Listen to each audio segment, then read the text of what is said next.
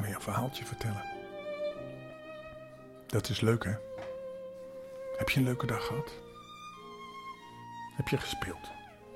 Wat heb je gedaan? Nou, laten we dan één grapje verzinnen. Of twee.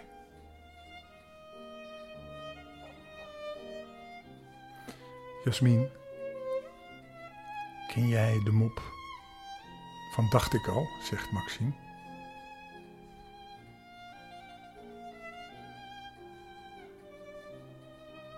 Jasmin zegt nee. En dan zegt Maxime, dat dacht ik al. Hm. En weet je waarom bananen krom zijn?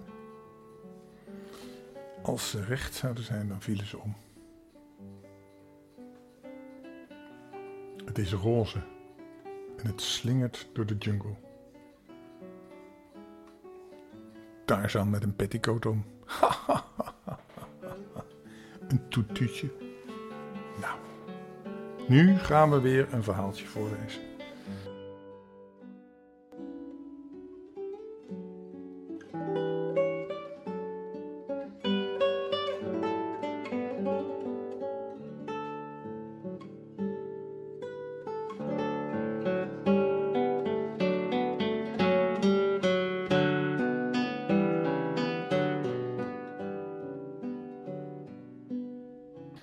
En Dick Trom is nog steeds met zijn vriendje Piet in Amsterdam. Hij liep op de Kalverstraat en hij ging naar Artesen. En toen kwam hij een man tegen. En die man was eigenlijk kwaadaardig. Die wilde ze meenemen en die bood ze limonade aan. Maar Dick die vertrouwde het niet. En wat hij had bedacht. Die zei, kijk, daar staat mijn oom. De politieman. Nou, toen was die man heel snel weg. Nou, ze gingen maar weer verder lopen.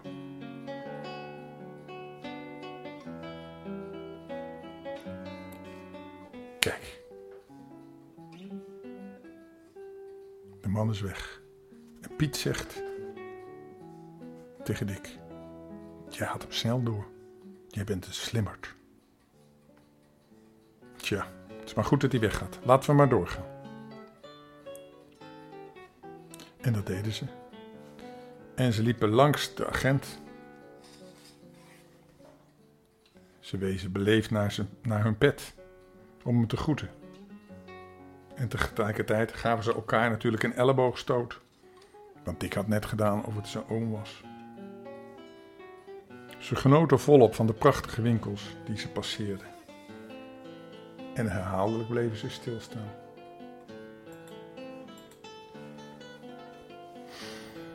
Ze wilden kijken naar de mooie voorwerpen die daar te koop waren. Omeens hield Dick midden op straat stil en snoof met welbehagen een heerlijke geur op, die hem in de neus drong. Wat is het, Dick? Wat ruik je? Nou, ik ruik het. Ruik je het ook? Poffertjes, Dick. Ja, snoof Dick. Poffertjes. En het komt uit dat huis. Begeerig keken de beide jongens naar binnen. En tot hun verbazing zagen zij achter het brede raam een poffertjespan. Een poffertjespan zo groot als ze nog nooit hadden gezien. Dat had je niet kunnen bedenken dat er op de wereld zo'n groot poffertjespan bestond. Want hij besloeg bijna de hele breedte van het raam. En daarachter stond de bakker. Helemaal in het wit met een grote witte muts op zijn hoofd. Kijk eens Piet, zei Dick, er kunnen er wel honderd tegelijk op gebakken worden. Wat een pan. Veel meer, wel duizend, riep, viel Piet in. En wat gaat dit vlug, hè? Ja, zei Dick. En wat ruiken ze lekker. Hoe duur zou een pak poffertjes wezen? Heb je trek? vroeg Piet lachend, terwijl hij de geur die door het opengeschoven raam naar buiten drong met kracht opschoof. Kijk, daar hangt een prijslijst tegen het aan. Ze stapten binnen en bleven aan de ingang staan. Er zaten verscheidene dames en kinderen aan de tafeltjes en het water liep dik en Piet tussen de tanden door. Toen ze zagen hoe lekker iedereen zat te smullen. In de zaal liepen twee juffrouwen te bedienen. Gekneed in blauw katoenen japonnetjes en witte schotjes voor. Een van hem kwam naar hen toe en vroeg: Wel, wat wil je? Dick wees met zijn rechtervinger naar de pet en vroeg: Mevrouw, een bord poffertjes. Alsjeblieft, zei de juffrouw met een vriendelijk lachje. Hier staat een vrij tafeltje met twee stoelen. Gaat u daar maar zitten. De jongens namen plaats en keken elkaar aan met gezichten waarop duidelijk te lezen was: Wie doet je wat? Dick schoof zijn boterhammenzakje op zijn rug om dichter bij de tafel te kunnen komen. En Piet volgde zijn voorbeeld. In veel minder tijd dan ze verwacht hadden, kwam de juffrouw de poffertjes brengen. Ze zette ze voor de jongens neer en gaf ze ieder een vork en mes. Juffrouw, zei Dick goeier, terwijl hij haar het mes weer toestak. Neem dat mes maar weer mee. Dat heb ik niet nodig. En ik ook niet, zei Piet met eenzelfde gebaar. Maar de juffrouw was alweer weg. Zeg, kijk eens. Wat een stuk boter ligt er bovenop, zei Piet verrukt. En wat een suiker, zei Dick. Oh. Het is niet duur, hè? Duur? Het is goedkoop, riep Piet uit. De jongens pikten een poffertje aan hun vork. Ze haalden het een paar keer door de smeltende boter. En toen zeiden ze geen woord meer voor ze het laatste poffertje verorberd hadden. Hun bord was snel leeg. Hmm, ze smakten met hun tong. Zo lekker hadden ze nog nooit gegeten. Hoe heerlijk waren deze poffertjes. Ze zijn op, zei Dick, met een melancholische blik op zijn lege bord. Ja, op, zei Piet. Jammer. Ze kosten 15 cent, merkte Piet op, terwijl hij merkte Dick op terwijl hij Piet ernstig aankeek. Ja, 15 cent, bevestigde Piet en ik keek Dick even zo aan. En we hebben ieder een gulden, hernam Dick. We hoeven toch het hele artes geen apennootjes te geven. Nee, lang niet, beaamde Piet. Voor 70 cent kunnen we nog heel wat kopen, zei Dick. Oh ja, meer dan genoeg vond Piet. Waarom zeg je dat? Nou zie je, ik wou maar zeggen, als ik nog een bord koop, daar komt de juffrouw net aan. Hij nam zijn bord in de hand en stak het haar toe. Toen hij vlak voor, voor, voor, haar was. Juffrouw, ik wil nog een bord voor van u kopen, zei hij. De juffrouw liep vlug door, want het was juist een druk uurtje en de jongens staarden haar teleurgesteld na. Ze hoort ons niet, zei Piet. Nee, zei Dick, die haar geen seconde uit het oog verloor. Aanstonds vragen we het er nog een keertje, als ze weer deze kant uitkomt. Ha, daar komt ze alweer terug. De juffrouw kwam op een drafje aanlopen, schoot vlug twee bordjes op hun tafeltje en zei: Alsjeblieft. En ze draafde weer verder. Ze had het razend druk, maar de twee jongetjes zaten gewoon weg per paf van zo'n schitterende bediening. In minder dan vijf minuten was de tweede portie op. Lekker, zei ik. Ik zou wel tien van zulke bordjes oplusten. Ik ook wel, zei Piet. Maar de rest van ons geld moeten we echt bewaren voor Artes. Kom, zullen we daar nu naartoe gaan? Best, zei ik. Hij haalde een gulden uit zijn zak en stak die de juffrouw toe toen ze hun tafel passeerden. Alle vier, vroeg zij. Nee, we betalen er ieder twee, lichtte Dick haar in. De jongens kregen ieder 70 cent terug en ze verlieten het heerlijke poffertjeshuis. Zou het nog ver zijn? Ze wisten het niet en Dick besloot om het iemand te vragen. Er stond een man met koopwaar aan de ingang van het plantsoen. Weet u ook hoe ik lopen moet om in de dierentuin te komen? vroeg hij. Weet je dat niet? vroeg het koopmannetje lachend. Je zet eerst je ene been vooruit en dan het andere. En dan weer het ene en zo doe je het de hele tijd. Dick was al weg. Die man was hem te grappig. Willen jullie naar Artus? vroeg een heer die het gesprek gehoord had. Het is nog een hele eind lopen hoor, jongens. Heb je geld? Dick en Piet keken hem wantrouwend aan. Maar de vriendelijke man hernam lachend: Ik bedoel, of je ieder een dubbeltje hebt, dan zou ik je raden om met de tram te gaan. Die houdt voor Artes stil.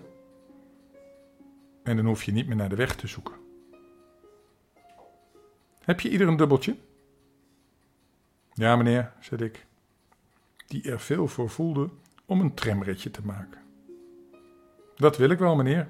Ik ook wel, zei Piet. Goed, ga maar mee. Kijk, daar op de hoek is een tramhalte. Daar moet je instappen. Oh, zei Dick, daar komt er alleen. Jawel, maar die gaat niet naar Artes. Er komen er hier zoveel. Wacht maar een ogenblik. Ha, daar is de goeie al. Instappen, jongens. Dick en Piet gingen op het achterbalkon staan.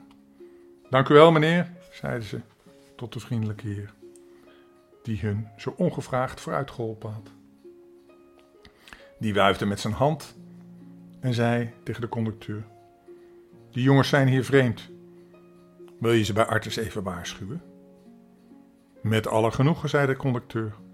En de tram gleed met grote snelheid voort over de blinkende rails. En de jongens hadden geen ogen genoeg om alles te bekijken. Wat was dat mooi.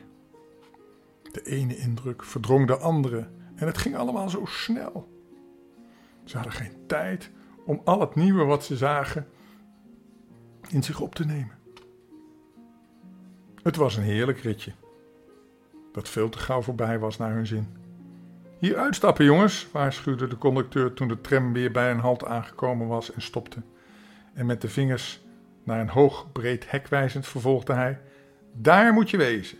Dat is de ingang van Artes. De jongens verlieten de tram en begaven zich naar het aangewezen hek. En daar stonden kooplieden met apennootjes en allerlei andere snoeperij, waarop de dieren van Artes gewoonlijk door de bezoekers onthaald worden. Laten we hier wat kopen, zei Dick. Goed, zei Piet, maar waar moeten we dat alles bergen? Ik heb niet veel zin om een paar uur lang met al dat goedje in mijn hand rond te lopen. Ik ook niet, zei Dick. Maar ik weet raad. Ik eet, eet mijn stukkenzak leeg en dan kan daar van alles in. Oh, dat is een goed idee, zei Piet. Zo kan het ook. Toen de zakken met hun voedsel leeg waren, vulden zij die met apennootjes en met allerlei andere lekkernijen, waarop ze de dieren in Artes wilden trakteren. Het bleek gelukkig allemaal veel goedkoper dan ze zich hadden voorgesteld.